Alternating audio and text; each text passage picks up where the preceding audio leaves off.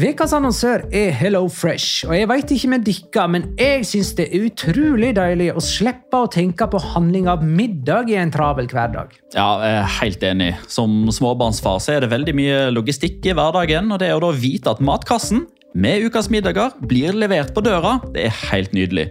Da slipper du impulskjøp på butikken når blodsukkeret er lavt, og når du kommer hjem, kan du bare ta ut posen med dagens ingredienser fra kjøleskapet og sette i gang matlaginga.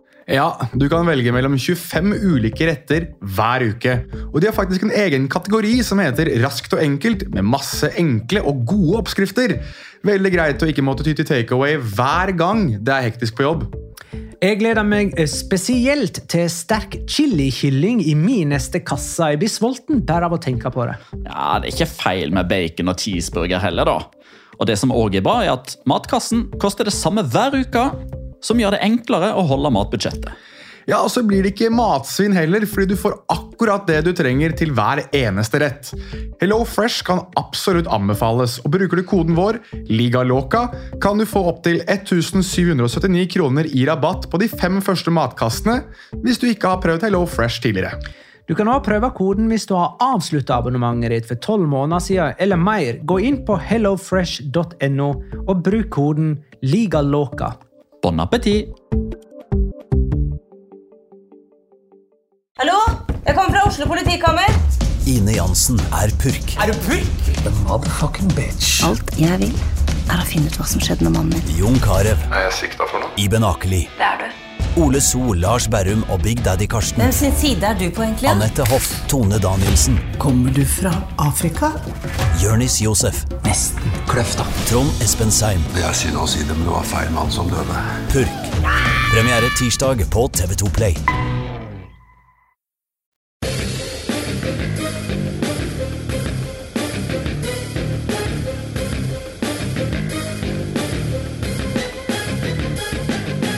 Har du sett? Barcelona slår aldri Rayo Vallecano og måtte gi fra seg to nye poeng denne helga. Både Atletico og Madrid utnytter det, mens Jonas og Petter er i Girona for å finne ut om de gjør det samme. Ellers utnytter Morales at Sørloth er skada og skårer hat trick for Villarreal. La liga loca. En litt gærnere fotball.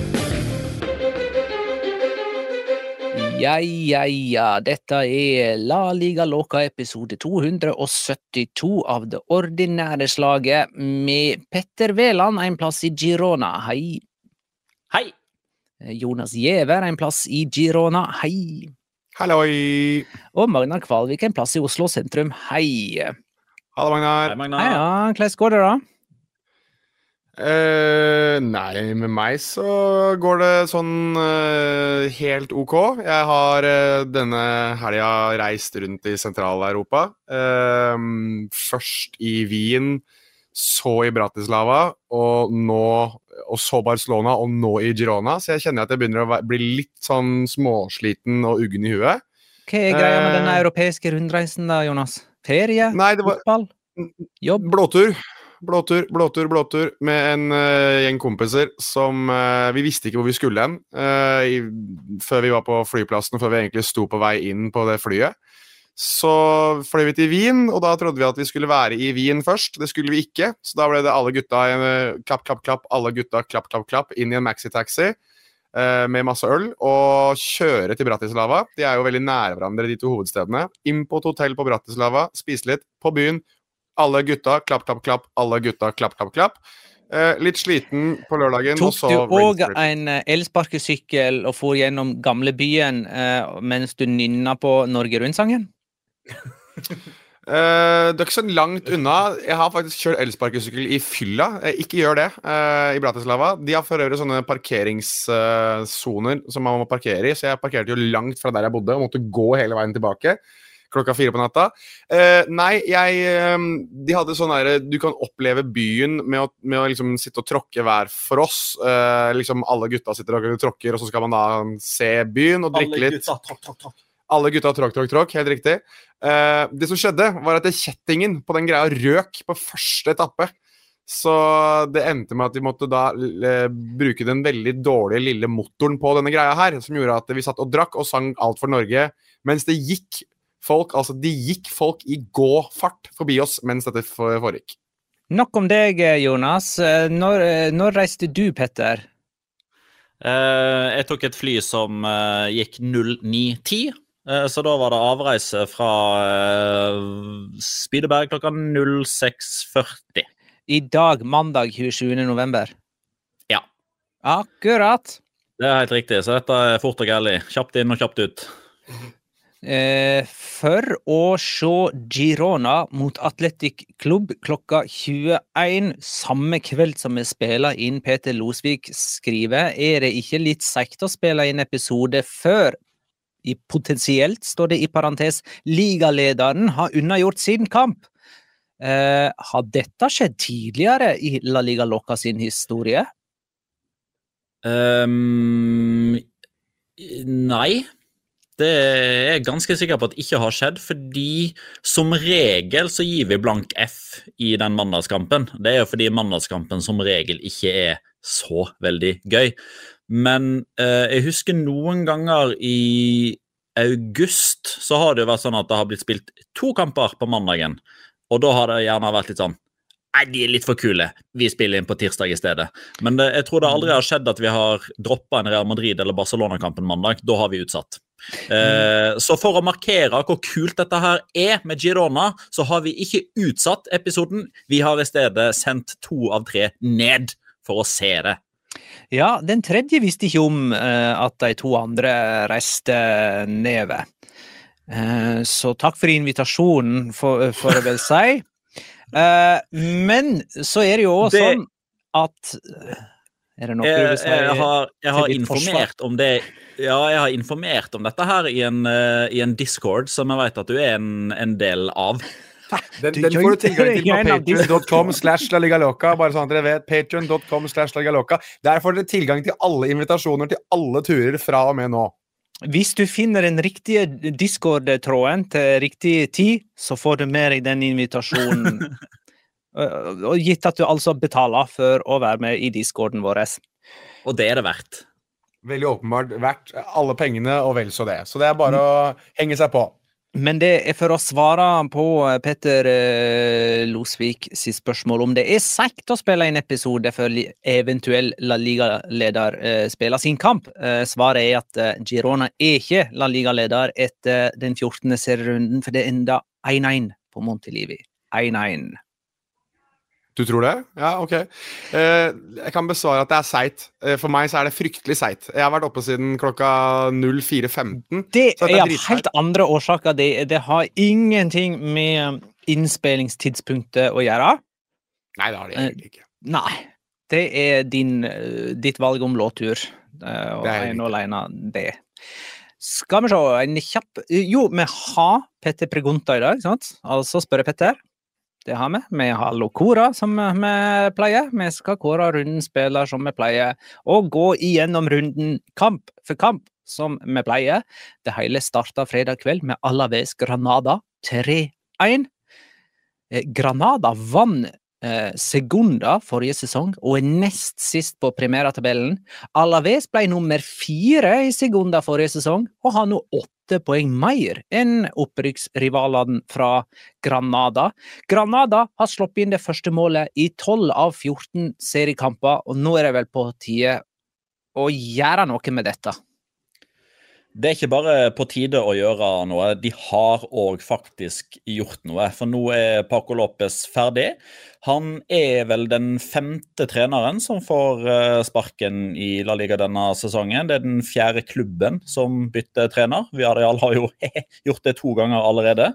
Eh, Så Paco Lopez, det var jo ei varsla katastrofe, dette her. For én ting er jo at han gjør det dårlig med Granada nå, men han var jo evneveik forrige gang han var La Liga-trener òg, der han fikk fyken da etter å ha vunnet én av de siste 15 i Levante. Så Paco Lopez har jo nå vunnet én av de siste 30 La Liga-kampene som han har trent for Levante og Granada, og han blir nå da erstatta av Alexander Medina. Han er uruguayansk, har aldri trent i Europa før. Hva gjør vi da? Da gir vi mikrofonen til Jonas Giæver.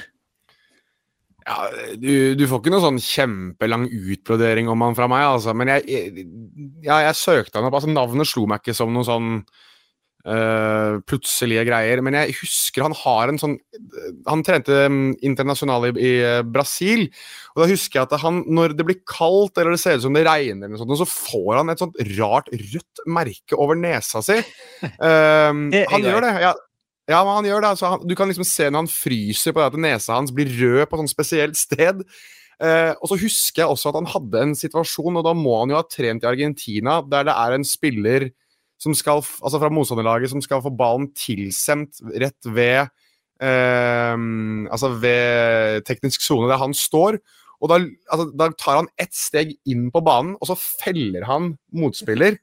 Eh, det husker jeg også at Han ble da utvist for og ble suspendert i noen kamper for å gjøre oss. Det her er jo en potensiell et potensielt hothead. da, En kar som kanskje vil, vi vil la oss bemerke på en eller annen måte. så som Paco Lopez, som vi egentlig husker at så veldig sånn rådvill ut etter hver eneste sånn timeout som skjedde under vannpausene, byttes nå ut med en som potensielt sett sparker ned spillere og blir rød på nesa. Så det kan jo bli veldig gøy. Eh, jeg er i hvert fall positivt innstilt på at eh, han uruguayaneren er litt bedre enn han andre, Magnar. Uh, ja, for Granada sin del får vi nesten hoppe det. Hvis det var Diego Alonso du tenkte på nå? Det, ja. det var det. Uh, Rayo Barcelona 1-1. Unai Lopez sendte Rayo i ledelsen med ei perle. Uh, Legion skåra senere sjølmål, dvs. Si ett poeng for Barcelona, som medfører at den regjerende mester er passert av Atletico og dytta ned på fjerdeplass. Valencia Celta Vigo endte 0-0, med Benitez tilbake på Mestalla, der han var en helt for sånn ca. 20 år siden. Eh, nå er Baraja leder eh, for Valencia. Han var jo spiller den gangen, men her endte det altså uavgjort mellom lærling og læremester, får vi si. Getafe Almeria 2-1. 14 serierunder, og Almeria er fremdeles uten eh, seier. Getafe snudde denne kampen med skåringa av Mason Greenwood og Borja Majoral. Eh, sistnevnte har skåra åtte av Getafe sine 17 mål, nesten halvparten, altså. Dette skjedde 25. november, altså lørdag. Da la Getafe ut en spesiell tweet, gjorde ikke de? Det gjorde de. Ehm, de la jo da ut en, eh, en, tweet for å markere det som heter The International Day for the Elimination of Violence Against Women. Dette feires jo da årlig, og dette la de ut en tweet om, og da var det jo um, skal jeg prøve å ordlegge meg litt sånn politisk ukorrekt her ved å si at Mason Greenwood da banka ballen i mål for Chetafe. Uh, han valgte den dagen. Det er veldig Det er greit. Notert sånn utover. Men uh, ja. kan velge andre datoer neste gang. Ja, jeg kan bare legge til i den sammenheng da, at uh, dette var riktignok dagen etterpå, da, men det er jo en annen spansk uh, målskårer uh, som ble voldsomt bejubla før kampstart i Real Betis Las Palmas, Ruben Castro, som òg har en sånn type dom hengende over seg. han ble hylla foran et fullsatt Benito Villamarin, men han valgte dagen etterpå, da, også. Ja. Eh, kan jo nevne, for å holde oss til fotball, eller gå tilbake til det, eh, at Getafe har åtte seriekamper på rad uten tap for første gang i deres primære historie. Det bare to seire, seks uavgjort. Atletico Mallorca 1-0. Antoine Griezmann ble matchvinner med skåring i det 64. minutt, men det er altså Atletico forbi Barcelona på målforskjell med én kamp til gode. De er ikke à jour før de har spilt hjemme mot Sevilla på vesle julaften. Villarreal og Sassona 3-1. Sørloth var ute med skade, og erstatteren hans, José Luis Morales, skåra hat trick. Og på to kamper med Marcelino tilbake som Viareal-trener, så har Morales skåra til sammen fem. Han skåra to i cupkampen mot Samora. Real Sociedad eh, Sevilla 2-1.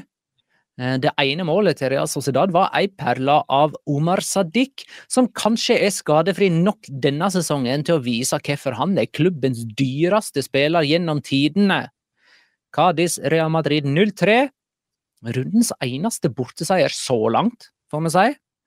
Rodrigo skåra to og har fem mål på sine siste tre kamper for Real Madrid. Eh, Real Betis Las Palmas 1-0. Her hadde Betis en god del flaks. Noe som betyr at de ikke har tapt siden september. De har 13 strake offisielle kamper uten nederlag. Eh, Og eh, William José ble deres matchvinner. Kan nevne at det var hans sjette ligamål denne sesongen. Han skåra to hele forrige sesong, mens Borja Iglesias, som var deres toppskårer forrige sesong, med 15, han har null denne sesongen. Jeg lurer på om ikke det var min eh, Jeg tror det var mitt toppskårertips, ja. Borja Iglesias. Uh, hvis jeg ikke husker helt feil. Lykke til med den i, i, i fortsettelsen. Jo, takk. Det trengs. Jeg tenkte kanskje vi kunne begynne med det som skjedde på uh, Vallecas, da. Uh, Rayo og Barcelona spilte 1-1. Under Xavi så har Barcelona sleget 20 av de 22 lagene de har møtt i Primera. Det vil si de to lagene de ikke har klart å slå, det er Rayo Vallecano og Granada. De har to uavgjort og to tap mot Rayo, og to uavgjort mot eh, Granada. Mm. Eh, blir, de blir hyppigere straffa for sine mangler nå, Barcelona, enn det de ble eh, forrige sesong? Ja, det, det kan du godt si. Og nå føles det jo nesten som om at det var forrige sesong vi drev og snakka om at eh, Barcelona var kjempegøy å se på med 5-0 mot Betis og 5-0 mot eh, Antwerp. Jeg har ei resultatrekke her som Mr. Chip la ut eh, for meg, som er den er veldig betegnende for hva som er status for, for Barcelona for øyeblikket. De har slått Celta Vigo med ett mål. De har spilt uavgjort mot Mallorca. De har slått Sevilla med ett mål. De har slått Porto med ett mål. De har spilt uavgjort mot Granada. De har slått Atletic med ett mål. De har slått Shakhtar med ett mål. De har tapt mot Real Madrid. De har slått Real Sociedad med ett mål. De har tapt mot Shakhtar. De har slått Alaves med ett mål, og de har spilt 1-1 mot Raja Vallecano. Altså, det er ikke seriemesterskap-tendenser. altså. Så kan du i tillegg eh, slå inn i totalen her at i nesten alle disse kampene her også, så er de jo langt unna spillemessig. Det er ikke sånn at de, de herjer med motstander og produserer masse greier og endelig får utløsning på tampen. Det er snarere tvert imot at de i ganske mange av disse her så har de egentlig fått OK betalt. Altså, jeg husker jo disse eh, trippel-kvadruppelsjansene til Samu og Morodion. Altså, de kunne jo ha ligget under 0-3 til en halvtime spilt der før de våkna. Og riktignok får en høyere XG totalt til slutt, men det er og, og igjen, da, så føler jeg at vi er kanskje inne i en sånn der eh, spiral her nå når det gjelder å omtale Barcelona, der vi kanskje repeterer oss litt, og kanskje på ett vis heller ikke blir helt enige med oss selv om hvordan vi faktisk skal omtale dem. Altså, skal vi anse at Barcelona egentlig er det beste laget og dømme de deretter, eller skal vi ta alt dette økonomiske trøbbelet, skal vi ta hensyn til det når vi argumenterer for om de er gode eller om de er bedre enn hva de bør være, eller om de er akkurat der de skal være? Eh, gjør Xavi en god jobb som Barcelona-trener, spillemessig kontra resultatmessig? Der, der, kommer vi liksom ikke videre, og jeg syns en av årsakene til det er måten Barcelona sjøl velger å ha fokus etter kampene. Uh, og så er jeg fullt klar over at journalister spiller en god del av, uh, av, rollen der, med måten de stiller spørsmålet på og måten de vinkler sakene sine etterpå. Men det, det går ikke en eneste Barcelona-kamp nå uten at det skal skyldes på dommer. Ikke en eneste Barcelona-kamp blir spilt nå uten at, uten at det skal skyldes på dommer. Denne gangen var det Rafinha som skulle hatt et straffespark, og så har Lewandowski blitt lagt i bakken av Le Jeune. Uh, og det har jo blitt en diskusjon inn i discorden vår òg jeg, jeg syns det er merkverdig at det er Lewandowski som alltid er involvert i de situasjonene der, og det kan ikke være tilfeldig. For sånn skjer ikke med Gerard Moreno, det skjer ikke med Mikkel Øyar Sabal, det skjer ikke med Antoine Griezmann. På han... samme måte som at det heller ikke er tilfeldig at Venicius har alle disse greiene sine. For han ble reven i bakken, uh, Lewandowski. Eh, og eh, det du insinuerer, Petter, er kanskje at han har irritert på seg denne eh, Var det Legend som hiv han i bakken? Det var, det var en sånn situasjon der, eh, det var innenfor 16 meter, men ballen var langt, langt, langt vekke. Ja, ja, og, og, det har skjedd eh, altså Fra toppen av huet mitt nå så klarer jeg ikke å liksom plassere at det var den spilleren etter det antall spilte minutter i den kampen, men en sånn type situasjon der Robert Lewandowski blir jeg si, utsatt for noe som man fort kan blåse straffespark for, eller at det er utenfor 16 at det skulle være frispark, minst fem ganger. Og når det skjer med han fem ganger, så tenker jeg, jeg, jeg kan ikke, ikke helt skjønne at han skal være så ekstremt god, eh, så vanskelig å få has på, i så ekstremt god form nå denne sesongen, at det er masterplan til alle som møter Barcelona. La oss fribryte litt med Robert Lewandowski for å få han ut av spill. Det må bli sagt eller gjort et eller annet som gjør at motstanderen blir irritert og tar igjen, på en måte som isolert sett da skal være straffespark imot. Var ikke det for øvrig du òg, Petter, som sa uh, Jeg ser du er i ferd med å gi mikrofonen til Jonas nok en gang, men uh, jeg holder den hos deg. Var ikke det du som sa at hvis Barcelona får en spiller tilbake igjen fra skade, så er det alltid en ny spiller som skal ut med skade? Ja. Ja. Nå var det Frenkie de Jong som var tilbake, og Gavi som var ute. Ja. Så, og det der ja, det ser ut som det, det ikke tar slutt, det der. Og Marc-André Terstegen var jo òg til og med ute. Ja, ikke sant? Og, og, der kan man være inne på en litt formildende omstendighet eh, overfor eh, de resultatene som man nevnte nå. At jeg tror eh, når man hadde den 5-0 mot Antwerp, 5-0 mot Betis Hvis man kunne ha fått bygd videre på det momentumet som var da, med nøyaktig de samme spillerne, og ikke måtte skifte så mye fra tid til annen, så kan det godt hende at vi hadde omtalt Barcelona litt annet ordelag her nå. Men samtidig så er det jo eh, Jeg vet òg at Barcelona-supporterne er en tidvis polariserende gjeng, der det er klikker som er liksom uenige med hverandre, der det kanskje blir litt for mye jeg vet ikke, skittkasting eller litt for mye ah, vi må gå og fuck dette og bare 1-0. At det er litt for mye den enden. Og så er det kanskje noen som i litt for stor grad skal forsvare alt og kontekstualisere absolutt alt. Så er svaret sikkert én gang i midten. Men én ting som jeg la merke til. Det sjølmålet til Florian Lejeune det var så klink sjølmål det at selv Barcelona sin Twitter-konto ga det som et sjølmål ett minutt etter at det ble satt i mål. Selv om Lewandowski var i nærheten. Ja, Hvor mange sjølmål har egentlig Lewandowski fått? I, uh, I min bok så har han framprovosert Eller vært med på Dette her er et sjølmål som i statistikkene mine er framprovosert av først og fremst Alejandro Balde, fordi det er han som slår innlegget, og Lewandowski aldri borti ballen. Men han er òg involvert i skåringa. Fire, fire sjølmål har han eh, kreditert, og ett eller to av de har Barcelona feilaktig gitt til Lewandowski. Du må ikke spille han opp på sånn, Magnar. Da blir de episodene blir jo eh, så... Du vil jo ikke at de skal være lange til å begynne med, og du spiller han opp på det. Du vet jo hva Dette er masochisme på høyt nivå. Jeg er så naiv og urutinert, for her tenkte jeg at svaret er ett ord og én stavelse, som i én eller to. Men nei da. Eh, nå eh, kan jeg nevne at de siste 13 gangene Barcelona har spilt i Madrid så har de sju tap, fire uavgjort og to seire.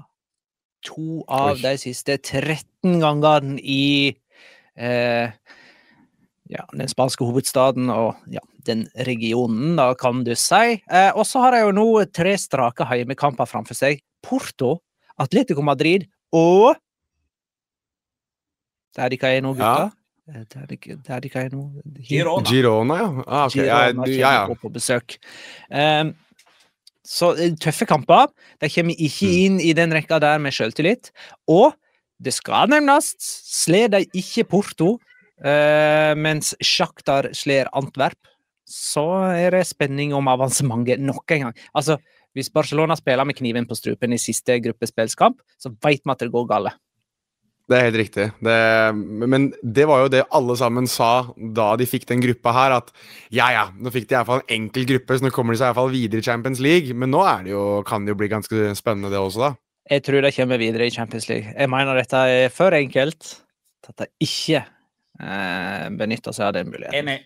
Ja, det er sånn foolproof, liksom? Er det du prøver å si? ja, de, dette er Champions League-gruppe for dummies, typ. Uh, Cádiz, uh, Real Madrid. Jeg har beveget meg videre nå. Uh, den endte 0-3. Jeg nominerer her Rodrigo til rundens spiller, med hans to mål og målgivende pasning til Jude Bellingham. Altså, jeg veit ikke om han trives som spiss, eller hva for noe, men han ser nå i alle fall ut til å fungere. I den grad kanskje han spilte mer som på kant nå. Spilte han Ja, eh, det- bredere nå. Med Spilte Joselo var jo med fra start, så jeg nå. Spilte jo på venstre, vet du, så det er Mm. Junior som er problemet nå. Det er eh, han som ødelegger for Rodrigo, og så er det Jude Bellingham som ødelegger for Venicius. Så her, eh, dette er bare et lag der alle mm, presterer på tross av hverandre, mer enn noe annet, da. Bellingham skåra sitt ellevte ligamål på hans tolv ligakamper. Jeg gidder ikke å ta denne statistikken om at eh, han på sine 15 offisielle kamper har skåra mer enn uh, hva Di Stefano og Cristiano Ronaldo gjorde på sine første 15 kamper, for da blir det sånn for hver jævla kamp. Uh, framover. Så, altså, så da blir det en ny statistikk etter den 16. kampen, og en ny statistikk etter den 17. Så, Du gidder ikke å ta den, men du tok den likevel? Uh, uh, jeg, jeg husker ikke hva Stef Di Stefano og Cristiano Ronaldo hadde. Jeg, Jeg bare merka meg på Twitter 14. Hæ? Cristiano Ronaldo hadde 14. På sine 15 første offisielle kamper. Ja. Nei, Mens- eh, Bellingham hadde 14, Cristiano Ronaldo hadde 13. Så, der ser du. Og så Derfor skal vi ikke gjøre dette igjen. Det Magna egentlig gjorde, var jo bare å framsnakke at Jude Bellingham kommer til å bli tidenes mestskårende Real Madrid-spiller.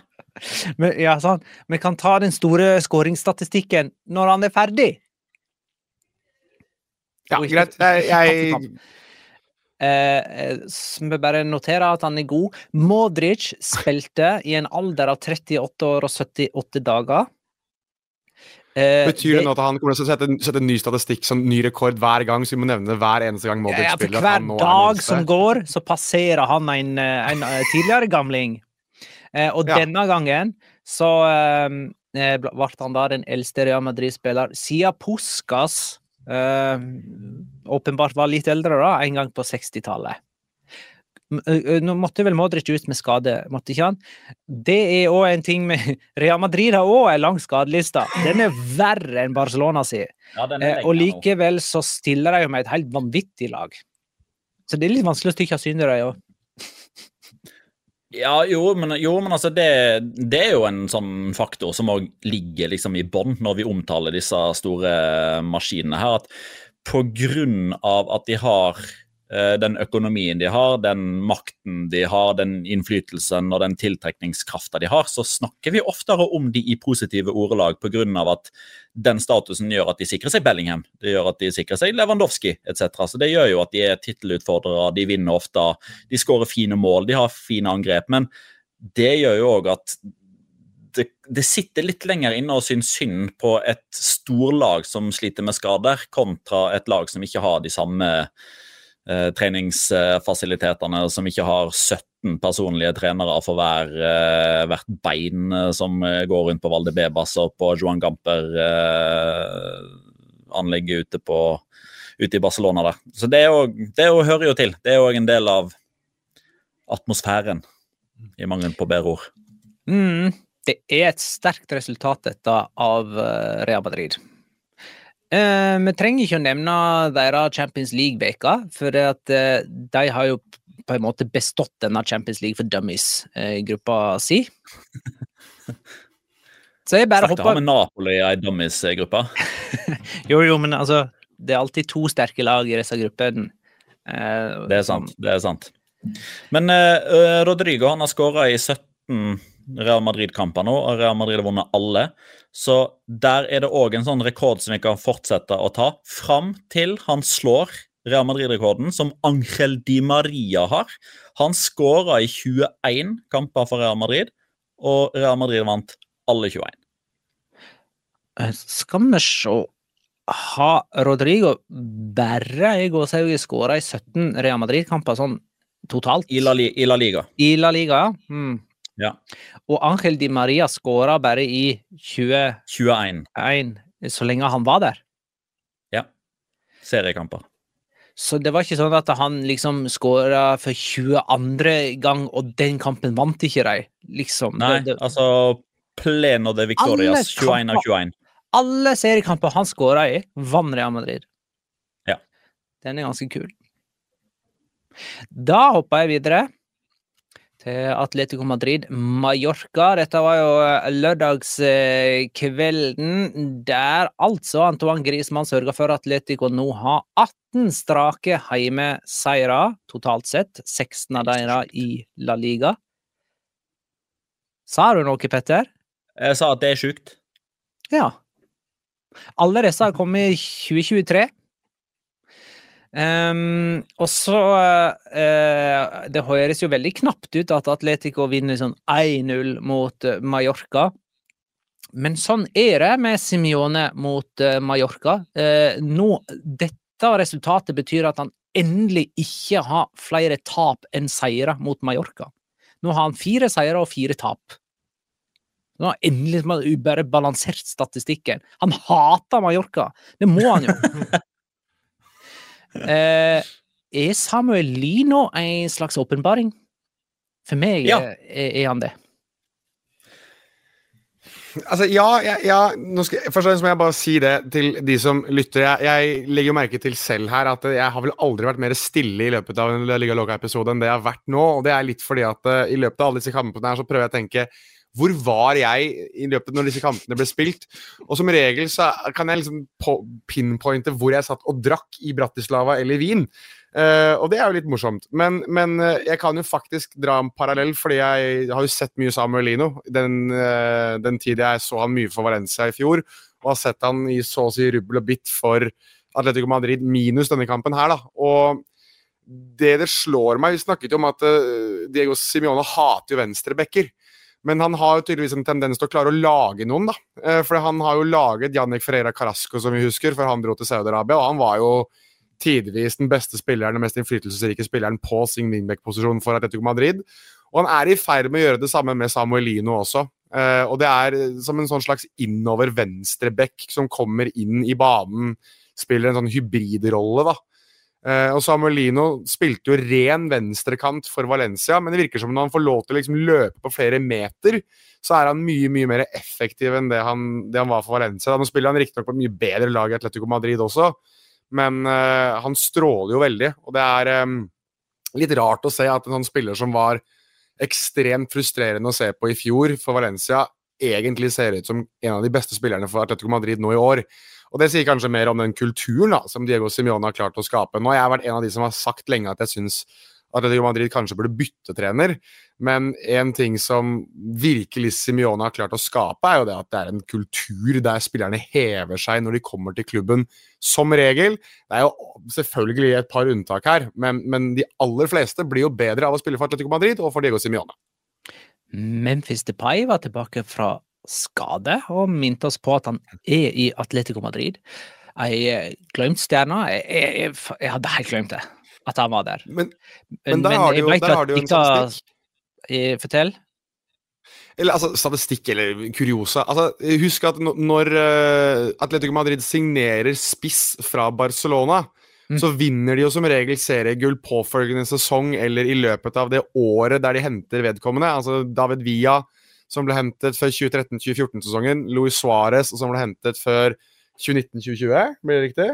Og så har du da Memphis Depay, som ble hentet i januarvinduet, da, riktignok, i 2022-2023, mens hans første fulle sesong er jo nå 2023-2024. Så hvorfor tror du jeg har dem som seriemester, Magnar? For alle gode ting er tre, og tradisjonen er fremdeles tro. Takk. Ja, noe sier meg at uh, de to førstnevnte der, David Villa og Luis Suárez, bidrar mer enn Memphis Depay i, i så fall. Um, Kåke spilte i sin 600. kamp for Atletico Madrid. Han er den Atletico-spilleren med flest uh, kamper for klubben. Slik har det jo vært en stund. Trengte ikke å runde 600 for å oppnå det. Eh, rekord hver gang han spiller han. Ja, faktisk. Så det trenger vi egentlig ikke bemerke. Men når det var noe såpass milepæl som 600, så er det jo greit. Feyenoord i Nederland, det er Atleticos neste oppgave. Eh, og ja, jeg går ikke lei av den påminnelsen eh, som nå altså kommer. Eh, Atletico topper sin Champions League-gruppa, Poenget framfor Lazio, to poeng framfor Feyenoord, og så taper de denne kampen her, og så spiller de uavgjort mot Lazio i neste kamp og ryker ut med ni poeng. Jeg har ingenting å tilføye. Jeg Nei. har uh, nikka anerkjennende til den teorien der i snart en måned. Jeg kommer til å dra den på nytt. Eh, neste mandag. Oi, er det lov å si? Oi, wow! Ja! Wow. Eh, det er lov å si til alle som er litt eldre enn tolv år til sinns. Jo, jo, men eh, det er liksom Det er to mannfolk som sitter sammen i en seng, og du sitter der med sånn rødt uh, forheng bak deg og litt sånn forskjellig. Det er ikke lov å si. Hva er bak forhenget, Magnar? Hva, hva er bak forhenget? Ja. Eh, jeg mener vi kunne fra hotellrommet deres høre noe jentehyling eh, i bakgrunnen. Ja, det er, eh, vi, det er noen greier som på- pågår utafor her. Og det, så jeg, det å dra den jeg ikke Utafor her, liksom. Utafor bildet, ja. Altså, du, du ser begge hendene våre, altså. Det er, det er ikke oss. Vi går nå videre til det som skjedde på Anueta. Ja, Det men kan jeg bare dra hvor sjukt det er at Mallorca har vunnet én seriekamp denne sesongen og ikke ligger under streken? Vet du hva, det er faktisk en del av min eh, locora, men du skal få lov til å si det, ja. Du skal få lov til å si det. det du har. Ja, du har egentlig sagt det. De har én Ja. seier og ligger fortsatt ikke under streken. Det var det du sa. Ja.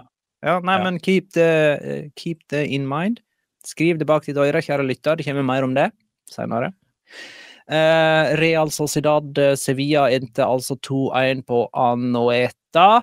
Sevilla fikk både Jesus Navas og Sergio Ramos utvist, men de tapte kampen lenge før den tid. Eh, Sevilla har ikke vunnet en kamp eh, i La Liga siden september. Real Sociedad Bare eh, en, en kjapp eh, sånn her, eh, spørsmål til deg, eh, Petter. Du har jo en locora som er relatert til Navas og Ramos. Er det sånn at vi ikke skal snakke om deres hendelser før vi kommer til locoraen? Jo, altså, vi, vi, vi, vi kan godt eh, fortelle hva som skjedde, hvis det var det du lurte på. Eh, eh, vi, får se. Eh, vi kan jo begynne med Real Sociedad, uansett. De har tre La Liga-tap. Eh, de tre tapene kom mot Barcelona, Real Madrid og Atletico. Altså de tre man liksom kan regne med at de skal tape mot. Og nå skal ikke de møte noen av disse igjen før langt ut i april. Så skal vi tro på en eh, poengsanking, eller, for eh, Real Sociedad, som, som har litt poeng å sanke for å komme opp igjen på fjerdeplass. De er jo nummer fem for øyeblikket. Ja, vi kan jo håpe på det, kanskje, for deres del. Um, samtidig så hadde de vel en sånn rekke på ganske mange uavgjort òg, der de drev og slapp inn mot slutten hele tiden, husker jeg. Um, Det er det de må avvenne seg, da, ja. Hmm. det er det. Så, De spilte jo- så sanking Ja, nei, altså, Ja. de spilte jo Hvis vi skal ta Girona på alvor eh, i, over lang tid, så, så spilte de jo 1-1 mot dem. Og de møter jo heller ikke dem før ut i februar. Så jeg mener Alle muligheter. For å, for å si det sånn, skal vi snakke, Hvis vi snakker på fantasy-språket for de som spiller Premier League Fantasy Det er mye grønne kamper framover for Real Sociedad sin del. Ja. Um, de, de, de, kan potensielt sett ha en veldig god runde eller veldig god rekke med kamper nå. Og hvis de skal opp på den der statistikken eller opp på den posisjonen de hadde i fjor, da, um, så skulle jeg vel tro at de må begynne å vinne kamper. Men så har jo vi allerede stabilisert det at eh, La Liga det er liksom litt sånn passé for dem. Det er, liksom, det er ikke bare week, det er last week. Fordi det som er kult for de nå, det er jo Champions League, for det er jo det som er chic, vet du, Magnar. Det er Champions League-hysteriet deres. Det er feng shui å være med i Champions League, mens uh, La Liga det blir for, uh, det blir for gammeldags. Det blir for sånn som man drev med for mange år siden. De er jo videre uh, i Champions League allerede. Møter Red Bull ah, Der sa jeg det igjen! Der sa det igjen! RB Salzburg eh, hjemme onsdag, og kjemper jo om eh, å vinne gruppa da med Inter. Som eh, møter Benfica borte. Og så er det jo Inter Real Sociedad i Milano i siste gruppespillskampen der. Petter, du gir ikke Barnechea eh, 1-0-målet på direkte frispark. Nei, og her er det jo ikke noe tvil heller. For hvis Dmitrovic ikke er borti den eh, ballen med foten sin, så går jo ikke ballen i mål, fordi ballen er på vei vekk fra mål. Så han får først en redning, og så et sjølmål. syns den er litt tricky. Nei, det er en universal regel. Jeg veit at Pedrito Numeros er uenig, men eh, han har òg stolpeskudd som går vekk fra mål i ryggen på keeper, og han gir òg det til skytteren. Så han, han gravde sin egen grav for lenge siden og kommer seg ikke opp av den. Han må bare Eh, stå i det. Så da får altså Dimitrovic sjøl mål i fraværet av Ørjan Hårskjold Nyland. Ja. Bare, bare sånn Eh, Dette er patroit... Patroi... Hva heter det? Patro... Patroisme. Patroistisk Patriotisme. Patriotisk Patriarkat.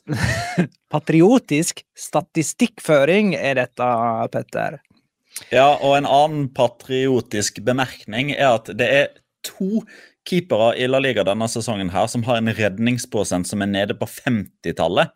Og her er det jo sånn at eh, altså Med redningsprosent så er det som andre verdenskrig. Jo lenger unna 40-tallet du er, jo bedre er det. Sergio Herrera og Marco Dimitrovic er på lavt 50-tall. Det er de to dårligste keeperne i La Liga, og det kan ingen betvile. Nei, der, ha, der stemmer statistikken eh, overens med liksom det man ser med det blotte øyet, liksom. Så Ja. det var greit å få bekrefta. Eh, jeg begynner å tro at Diego Alonso og Sevilla ikke passer eh, godt sammen. Eh, forferdelige resultat eh, eh, siden dette trenerskiftet Sevilla. Men det er jo et hjelpeløst lag. Ja, og så tenker jeg det at det å liksom ansette trenere som har sånn generelt sett veldig lite å vise til, spesielt når du er et lag som føler at du har ganske mye å vise til, det er liksom ikke Det, det lukter ikke helt fugl av det, da. Altså, jeg, jeg tenker at hadde liksom Diego Alonso kommet fra en kjempetid som Uruguay-sjef, f.eks., så ok, da er det litt spennende, men det er ikke sånn at du husker han for wow, det laget han hadde det mesterskapet. Sånn som for eksempel da Sampaoli tok over Sevilla, så hadde han jo på en måte allerede vist i eh, Sør-Amerika med Universidad de Chile at han tok de til en finale, f.eks. en semifinale i Copa Libertadores. Um, Chiles landslag, f.eks., mens Diego Alonso er liksom han ble sparka inn til Miami og erstattet av Phil Neville, liksom. Det, det er liksom det jeg assosierer han med mest, da. Så jeg tenker at når du skal liksom ansette en trener for en klubb som Sevilla, så er det liksom Tenk hvilken hylle du handler på. Den hylla er ikke der du finner Diego Alonso, tror jeg i hvert fall. Hmm. Ehm, det at Sevilla får to røde kort på tampen her, det ligner jo litt på gode, gamle, frenetiske Sevilla i panikkmodus. Det er jo liksom sånn Det er sånn de jakter utligning, da. Det at alle blir helt galne og får rødt kort, i alle fall to av dem. Eh, Sevilla vant jo i eh, Ja, Jonas? Jeg vil komme med en request, hvis Ja. jeg får lov til det. Du som er eh, nå, du sitter jo, Jeg sitter jo nå og ser deg, du sitter med headset, du har en stor mikrofon foran deg og en PC som du trykker på, så du ser litt ut som en DJ. Så her kommer jeg nå, slik jeg gjorde på lørdagskvelden, litt sånn halvsjarken i formen, og kommer med en request til DJ-en. Jeg vil at du skal uh, ta meg gjennom utvisningssituasjonen til Sergio Ramos i dine ordelag. Uh, gjerne med så mye innlevelse som overhodet mulig.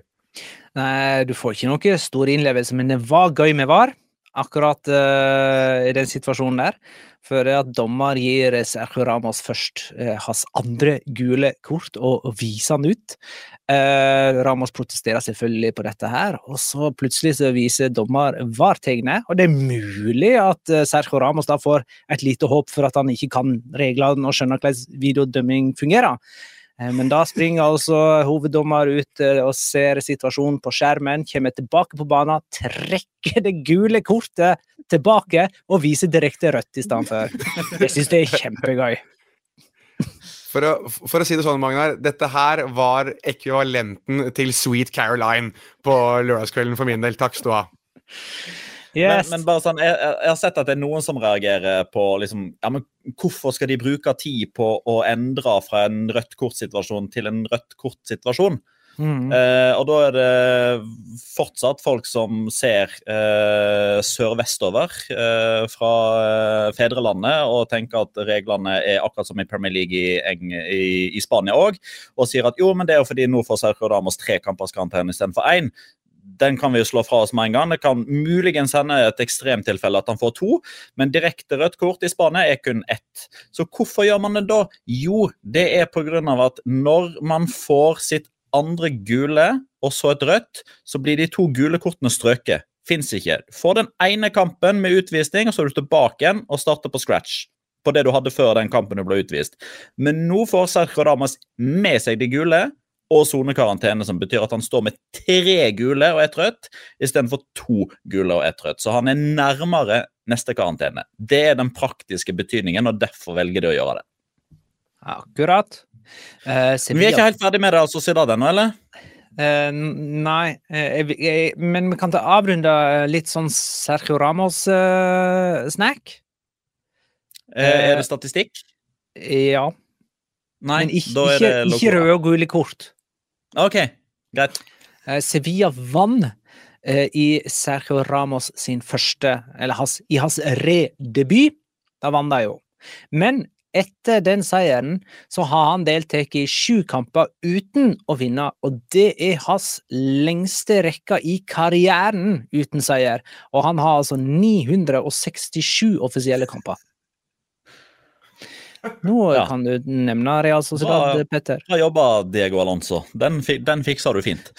um, jo, eh, vi, det er jo litt sånn eh, Altså, det, det er jo ikke nyheter, men det, det er litt sånn, det er fin utvikling. Det er en positiv trend eh, med norske øyne i Real Sociedad for uh, Brian Fiabema. Uh, han var jo han var høyaktuell for å være med i sin første A-lagstropp denne helga. Han var jo sågar på spillerhotellet og var med på presamlinga eh, før den offisielle troppen kom. Hadde ikke Miquel Ørsabal bestått den siste fitnesstesten, så hadde Brian Fiabima vært med. Eh, I stedet for så måtte han eh, reise og ta et seinere fly til Vigo for da å spille B-lagskamp, der han skåra etter fem minutter. Så nå har han skåra i tre av de fire siste B-lagskampene. Nå skal han trene relativt fast med A-laget framover. Så nå spørs det om det ikke blir en, eh, en 14. nordmann i La Liga om ikke så lenge. Det er kult, da. Uh, Real og Sassona endte 3-1, og der har du en rundens spillernominasjon, Petter.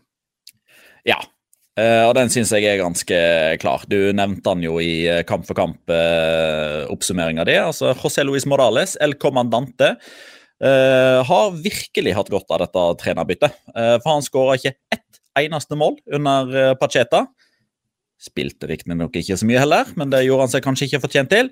Uh, Skåra to mot uh, Samora på onsdag og sikra eh, Eller unngikk ei flause på Villarreal sine vegne, og så et hat trick nå, da. Og 2-0 og 3-1-skåringer, altså det andre og tredje målet til El Comandante. Det er som å se en sånn derre epic compilation of the best time in Levante-kommandante. Altså, det første touchet på 2-0-skåringa før han løper fra eh, Osasona-forsvaret. og ja, altså Skåringa i seg sjøl er jo ikke, ikke så sexy, men det første touchet der! Og den finto altså han, han kjører sånn oversteg uten at det egentlig er oversteg, for han steg aldri over ballen, men allikevel så klarer han å rundlure Sergio Herrera på den 3-1-varianten. Og jeg vet at du ikke har sett disse skåringene ennå, Jonas. Gled deg! Gled deg! Han har mer fart i kroppen enn jeg hadde forventa av en 36-åring. Jeg må bare erkjenne det, altså. Eh, I dårlig nytt for eh, Sørloth. Jeg lurer på om Morales er raskere enn Sørloth. Etter å ha sett Ja. den der, eh, det andre målet. Ja, altså Dårlig nytt, det vet jeg ikke. Altså, jeg, jeg vil vel egentlig si at det er alltid dårlig nytt at eh, en, den spissen som erstatter den skadde spissen, gjør det så godt. Eh, men så tenker jeg det at det er ikke så fryktelig langt unna at Gerard Moreno er skada igjen heller. Så uh, det, det er alltid en mulighet for Alexander Sørloth i fraværet av Gerard Moreno. Og så kan vi jo med norske øyne, kanskje ikke med Viareal-øyne, håpe at El Comandante uh, slukner. For det- han har jo hatt en tendens til å kunne gjøre det, og han hadde jo noe enorme kamper i Europa for Villarreal eh, uten å levere noe sånn særlig ellers. Så kan jo være at det, det bare er et lite blaff, det her, da. Tidenes eh, tredje eldste med hat trick i La Liga nå, José Luis Morales. Ja. Bak Eh, Adoris. Nei, han skårer aldri hat trick eh, som 36, 37 eller 38-åring. Eller 39-åring. Um, altså Messi. Nei, han var ikke gammel nok. Di Stefano. Nei, Porsgas? nei. Det er i nyere tid. Langt nyere tid. Mm, 30, uh, Joaquin gjorde det ikke? Jo. Ja, Joaquin. Og? Uh, Cristiano Ronaldo. Nei. Uh, Raúl. Nei. Nyere tid. Jago Aspas. Nei, han er ikke så gammel. Uh, uh, Raúl Garcia. Nei. Roberto Soldado. Nei. Alvaro Negredo. Nei.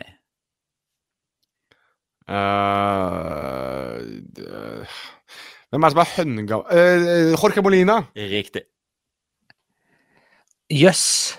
Uh, for Getafe, eller? Nei, for eh, Granada borte mot Mallorca. Det der har jo helt glemt. Wow. Eh, Hoppa videre nå. Til siste kamp. Mm. Valencia Celta Vigo 0-0. Eneste grunn til at jeg tenker vi kan snakke litt om kampen, er at eh, Strand Larsen spilte. Uh, så ble han bytta ut til det 68. minutt, og da er det vel ikke så mye mer å si, eller? Altså, vi kan jo nevne at det er 27. november, og jeg tror faktisk Benitez overlever november som Celta Vigo-trener. Ja, øh, og det er egentlig Altså, det hadde vært det mest passende i hele verden hvis Rafael Benitez hadde fått sparken etter denne kampen her.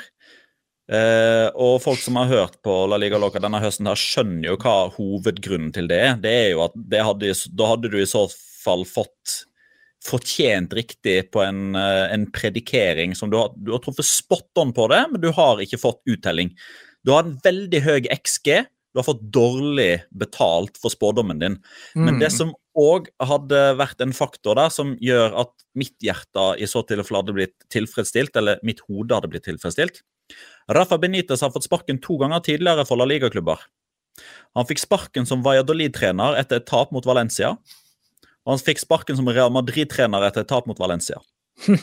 Så hvis Valencia hadde slått Celta Vigo på lørdag, da kan det hende at det var dråpen som hadde fått begeret til å renne over for Carlos Mourinho, som er Celta Vigo-presidenten, som gjorde at ah, det skjedde for tredje gang, og Magna hadde fått riktig predikeringa si. Men eh, nei, det ble null skudd på mål, det, for Valencia.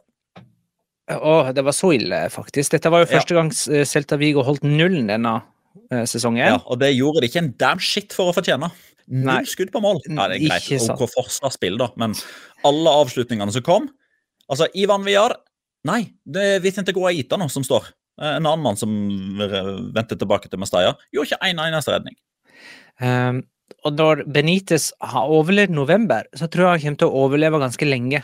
Så det kan, altså det kan fortsatt være at han ryker etter en kamp mot Valencia i vår. Det kan hende. Uh, dette er den dårligste sesongstarten i Primera for Celta Vigo siden 1943. Det er jo kjempelenge siden. Vi snakker altså andre verdenskrig. Da var det krig. Uh, Jonas, har du uh, bitte litt du har lyst til å si om Valencia? Og hvis ikke, så er det helt greit. Nei, jeg har ingenting. Veldig bra. Da er det tid for Locora! Ukens La Liga Locura. Locura. La Liga Locura. Eh, er det noen som har lyst til å begynne, da? Kanskje? Ja, jeg kan begynne å få, få de to tingene ut av verden. For jeg har jo, som nevnt et par ganger, sett så å si ingenting. Eh, og det er jo litt sånn locora i seg selv. Men eh, jeg syns det var litt gøy med Betis. De hadde jo en litt sånn eh, Og jeg som er glad i fotballdrakter, de hadde jo to ting de gjorde denne, denne kampen her mot Las Palmas som jeg faktisk så. Uh, og det ene var jo at de uh, spilte i gamle drakter. Altså de hadde noen helt altså gamle reproduserte drakter. Og det er jo litt i tråd med denne We Go Green-greiene deres. At de da uh, driver og bruker gammelt på nytt igjen. Eh, den tid jeg tror disse draktene uansett var produsert på nytt. Men uh, dette var jo da drakter fra jeg tror 91-92-sesongen. Uh, til og med med den gamle sponsoren, altså Expo 92 på drakta si, Uh, som jeg syns var utrolig kult. Um, så der regner jeg med at de sikkert kommer til å kompensere veldig for at folk um, har blitt veldig fysne på å kjøpe seg fotballdrakter de siste par årene. Hei, hei, jeg snakker for meg selv, selvfølgelig. Men det enda kulere som de gjorde, var at de fikk alle spillerne til å gjennomføre en sånn uh, jeg tror det heter Ishihara-test, som er for å finne ut om du er fargeblind eller ei. Um, og de hadde på seg disse, disse, resultatene av fargeblindhetstesten sin på eh, oppvarmingstrøyene, for å da kunne forklare hvorvidt de er fargeblinde eller ei. Eh, nå har jeg ikke gått inn og sett om alle disse her da faktisk eh, klarte seg eller klarte seg ikke på denne testen, og hvor godt de gjorde det. Men uh, jeg tror uh, i hvert fall at de har klart å skape en sånn form for uh, oppmerksomhet da, rundt ting som fargeblindhet, f.eks., og også det å resirkulere. Så Betis fortsetter å være en foregangsklubb. Ja. Mm. Det med fargeblindhet, det må jo La Liga, eller det fikk jo La Liga sjøl erfare litt av problemet med da de innførte rød vinterball. Når var dette? I 18-19-sesongen? Rødt på grønt er jo eh, veldig, veldig ille eh, for de som er fargeblinde. ja, riktig. Uh, ja, Petter, er det din tur, da, eller? Ja, da vent litt. skal vi Nei, tilbake vent litt. gi mikrofonen til Jonas, og så hører vi hva, hva som var hans nominasjon til rundens spiller, for det glemte jeg å ta helt innledningsvis. Og skal vi ta det med en gang? Ja, nei, men altså, Da tenker jeg at vi må For de som hørte Dette her er jo faktisk litt sånn det skjedde jo noe, the aftermath av vårt intervju med uh, Alexander Sørloth, som nå ligger ute tilgjengelig for alle. Uh, der fikk vi jo faktisk uh, se litt reaksjoner i heimen til, til Alexander Sørloth og hans fru Lene Selnes. Lena. Lena Selnes, unnskyld. Der Alexander Sørloth fikk jo en, en, del pepper for å ikke ha kommet med en shout-out til kvinnekroppen. så min runden spiller mine damer og herren, er kvinnekroppen. Fordi vi alle sammen har jo kommet derfra. Den har båret oss alle i ni måneder. Og derfor så tenker jeg at når en fotballsesong gjerne er på et strekke på rundt ni måneder, så er det også på tide at vi gjør litt ut av det og hyller kvinnekroppen, som har gitt oss muligheten til å se disse fotballkampene sånn helt i startfasen av livets vugge. Så takk til kvinnekroppen for det. Hvordan kom den kvinnekroppen opp uh, i forbindelse med det intervjuet? Det kom jo opp i forbindelse med at uh, hun er gravid, de venter barn. Så da regner jeg jo med at uh, ettersom det er jo sikkert den store nyheten i deres heim, så skulle vi kanskje håpet at uh, Alexander Sørloth hadde sagt, som han selv påpekte Hva skulle jeg si? Oh, by the way, shout-out til kvinnekroppen midt i en episode om La Liga. Så her kommer jeg. By the way, shout-out til kvinnekroppen i en La Liga Loca-episode. Veldig bra. Da er det jo Petters tur. Ja, nå skal vi tilbake igjen til kortleiken på uh, Anueta. Uh, og det er egentlig bare det statistiske faktum at 1984-fødte Miguel Ángel Ortiz Arias viser ut 1985-fødte Jesus Navas og 1986-fødte uh, Sergio Ramos. det betyr at for aller første gang i La Ligas historie så har to spillere som er 36 eller eldre, blitt vist ut i samme kamp. Det er òg uh, de to spillerne som har blitt vist ut i samme La Liga-kamp, som har flest La Liga-kamper seg imellom. 997. Uh, og i løpet av de 997 kampene så er da altså Ramos uh, har spilt uh, litt flere enn Jesus Navas, men har altså fått 21 røde kort i La Liga, mens Jesus Navas han fikk sitt første.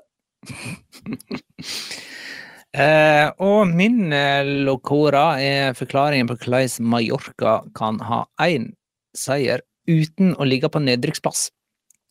Eh, vi har nemlig fire, altså fire klubber som nå har ti strake seriekamper uten seier. Cádiz, Celta Vigo, Granada og Almeria. Eh, og tre av disse er jo da bunntrioen, selvfølgelig. Celta, Granada og Almeria.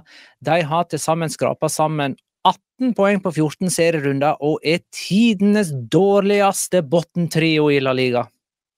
Tenk det.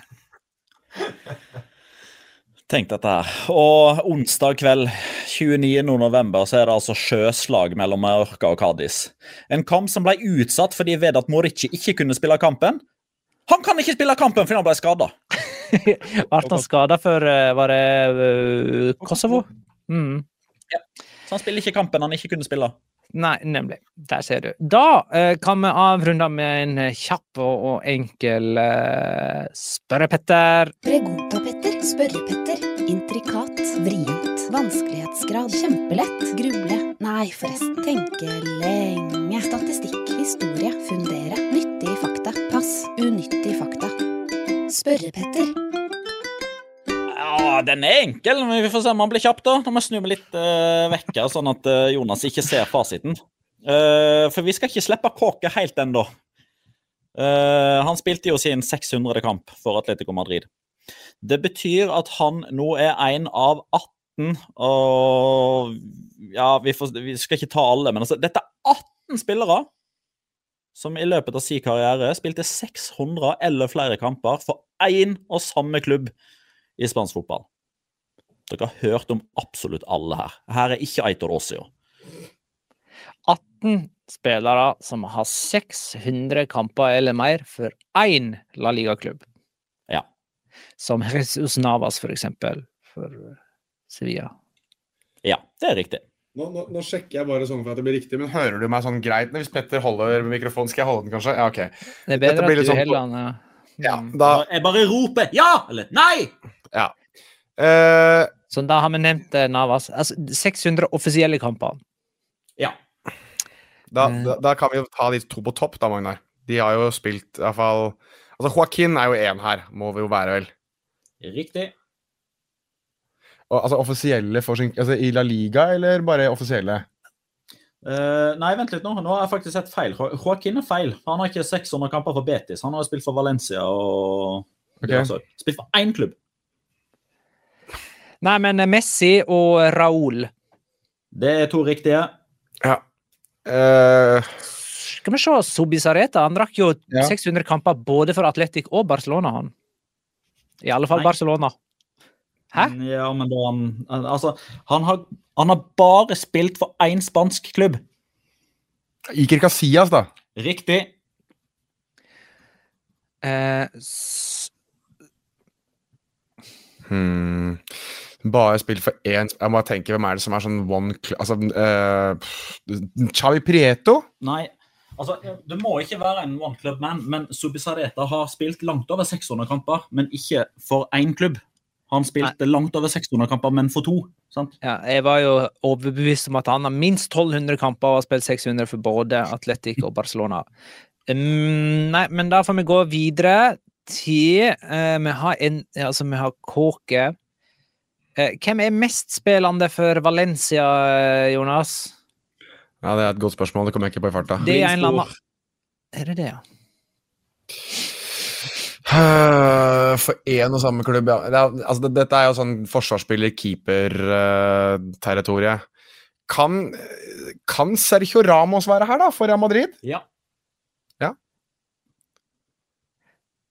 Eh, siden liksom Jesus Navas var der òg, holdt jeg på å si. Uh, Men eh, Brun, Bruno for eh, Villarreal? Nei. Hmm. Det er Mano Trigeras for øvrig som er mest spillende i Villarreal. Han har 420 ish. Uh, nei, han er ikke Diego Godin lakk ikke så mye for Atletico Madrid, for han var lenge i Villarreal òg. Ja. Lenge nok, i hvert fall. Uh, Kåk er jo altså da den første Atletico-spilleren. OK, ja, da holder vi oss vekk derfra. Eh, d- Men eh, vi snakka flere Real Madrid-spillere. Ja. Ja, det må vi vel. Flere Barcelona-spillere òg. Marcelo. Nei. Kan de to Tror du Cross, Cross kanskje? Cross? Nei, jeg tror ikke Cross. Nei, Heller Modric, da, i så fall. Modric? Nei. Han spilte nettopp sin 400, vel? Ja, det... jeg veit. Altså for, for å kontekstualisere dette, eller sette det litt i perspektiv, da. Altså Spiller du 600 kamper, da har du spilt i snitt 60 kamper i ti sesonger. Og ve veldig sjelden så spiller du 60 kamper ti sesonger på rad. Så du har måttet ha vært der i 12-13 sesonger minst. Ja, Fernando Hierro, kan han være der? 601. Ding, ding, ding. Uh, før han ble kastet ut og sendt til Bolton. Uh, var ikke det han dro? Eller dro han til Qatar først? Ja, anyways. Hvem andre er det da? Dani? Alves nådde Nei, for han hadde jo, var jo i Sevilla òg. Eh, Mm. men eh, kan vi prøve oss på Busquets, da? Eh, Det er riktig. og Xavi og Iniesta? Begge de to òg riktig. Carles Puyol? Nei. Gerard Piquet? Ja. Der kom det fire i en håndvending. Victor Valdes? Nei. Eller Valdez. Han har faktisk trykk feil sted, han. Nå er vi, vi er ferdig med Barcelona. Ja, det tror jeg. Eh, men vi er ikke helt ferdig med Real Madrid. Nei. Uh, Da mangler dere to. Har vi nevnt Carvajal? Eh, jeg tror ikke han har nok uansett. ja, Carvajal tror jeg ikke har rukket Ja, han er for mye skada. Uh, Roberto Carlos? Nei. Han var der jo dritlenge, han òg. Det er to som er litt uh, tilbake i tid, og så er det én veldig nylig. Manolo Sanchez. Riktig. Uh, det, er- altså, nå er det én til fra way back when, holdt jeg på å si? Ja. Okay. Men rakk ikke Benzema noe sånt, da? Jo da, det er riktig. Da mangler vi sistemann der, da. Uh, Aitor Karanka? Nei, ikke Aitor Karanka. Mitchell Salgado? Ikke Mitchell Så lenge tilbake i tid. Mitchell? Nei. Nei, Botragenio? Uh, Nei. Enda litt lenger tilbake i tid, vel. Di Ja. Stefano? Nei, men nå er vi på riktig epoke. Puskas? Nei. Trento? Ja! Ja. Nøyaktig 600. Ok, Hvor mange mangler vi nå, da? Skal vi se, det er én, to, tre, Fem. fire dere ikke har sagt.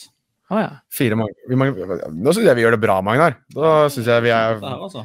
Nå koser vi oss. Nå er det litt mer sånn eh, Nå er det mer sånn der eh, dypvannsfisker. Donato. Nei, men det er riktig klubb.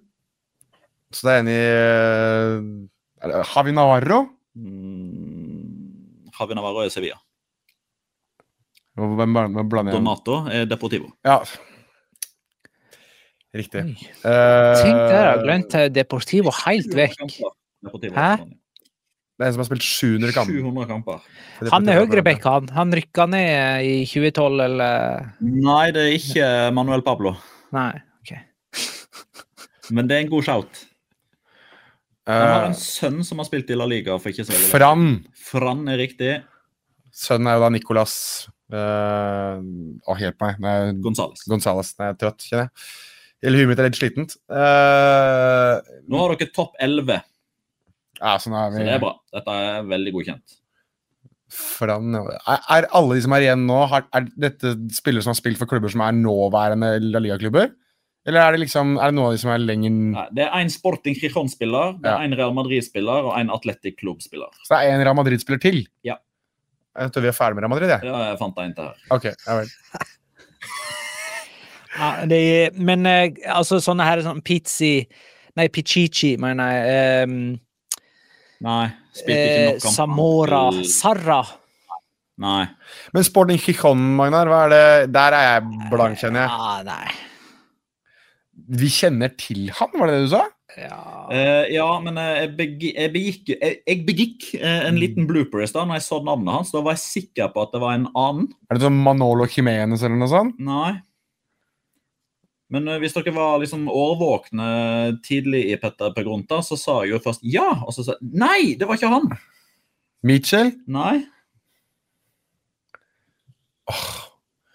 Det som suger nå, er jo at nå kan lytteren bare ta scrolle tilbake og høre, og så si navnet på vedkommende, og så har de tatt det før oss. Vedkommende som dere trodde det var, og som jeg òg trodde det var, spilte jo ikke så mange, klubber, eh, så mange kamper for denne klubben som dere assosierer med, fordi han òg spilte for en annen klubb, sa jeg. Hvem var det?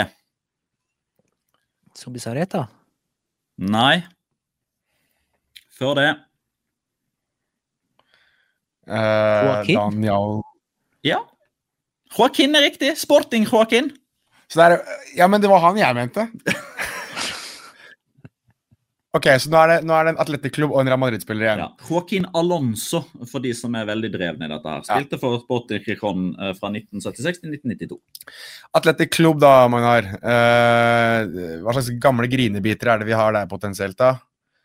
Eh, Kjenner vi disse to, de, to, de to siste, kjenner vi de? Ja. Ok. Yes, må- eller Barnechea eh, Lenger tilbake i tid. Nei, Jo, men altså, du er inne på det når du er liksom på Er det han der er slakteren? Nei, det er ikke Goicoechea. Uh, er det, er det Han er ofte å se på tribunen. Rafael Alcorta? Nei.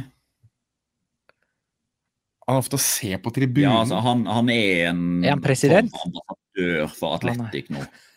Nei, han er ikke president, men uh, Atletic tweeta om han uh, for et par dager siden, la jeg merke til.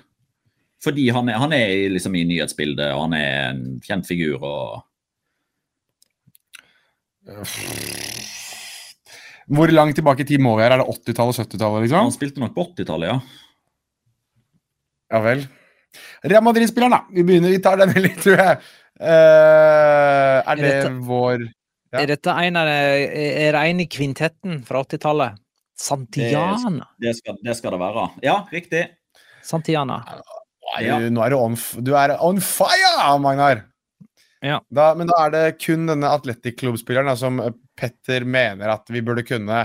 Og jeg mener jeg har stått her før med en eller annen spiller Petter mener vi burde kunne, som han Jeg har allerede påpekt at det er ikke Aitor Ossio. Nei, og det er ikke Mancharin heller. Nei. Nei. Uh, Men, men du veit, altså Iraola spilte mye, Sosaeta Disse her ja, vi skal, vi skal Det er lenge... gode shouter, men vi skal lenger tilbake i tid. Jeg skjønte det, men eh, kan ikke vi bare si at det er en av dem, da? Er det, altså, er det hete Ja, altså, Vi gir jo Lewandowski skåringer, så vi kan jo bare gi Sosaeta noen kamper her og der. Er det Echebria eller noe sånt? Heter han det? Nei, Jorente, heter han det? nei. Nei. Han var keeper. Keeper? Ja, var ikke han det? Hvem da? Han her? Jeg vet da faen, jeg vel. Hver gang, jo. Ja, ja. ja. Han var keeper. Før Han har, Sobisareta. han har trent Atletic òg. Åh! Oh, herregud, jeg har prøvd å ringe han. Eh, jeg har prøvd å ringe Å, herregud! Du skjønner jo hvorfor jeg ikke fikk svar. Eh, Ja, jeg husker ikke hvem han er.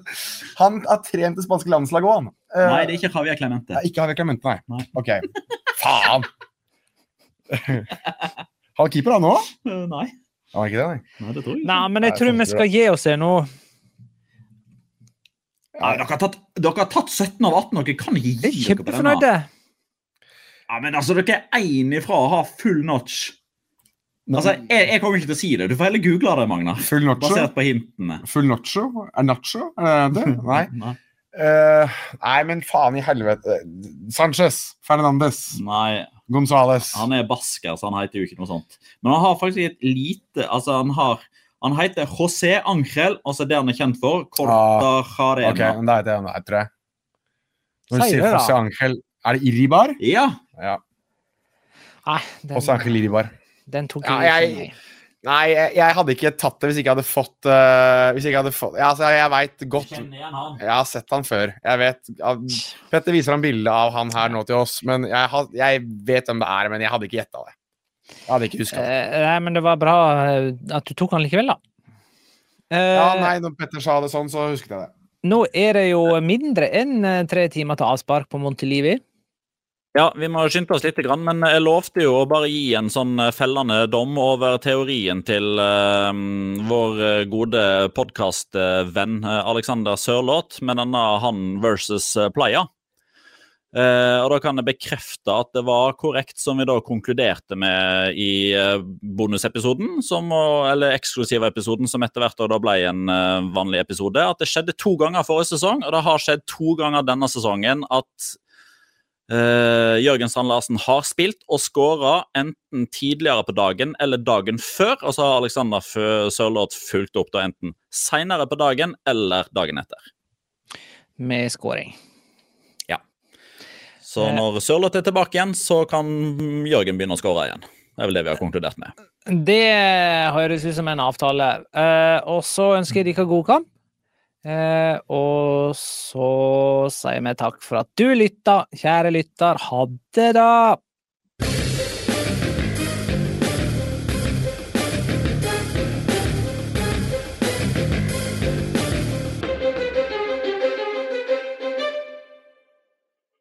Har du et enkeltpersonforetak eller en liten bedrift? Da er du sikkert lei av å høre meg snakke om hvor enkelt det er med kvitteringer og bilag i fiken, så vi eh, gir oss her, vi. Fordi vi liker enkelt. Fiken superenkelt regnskap.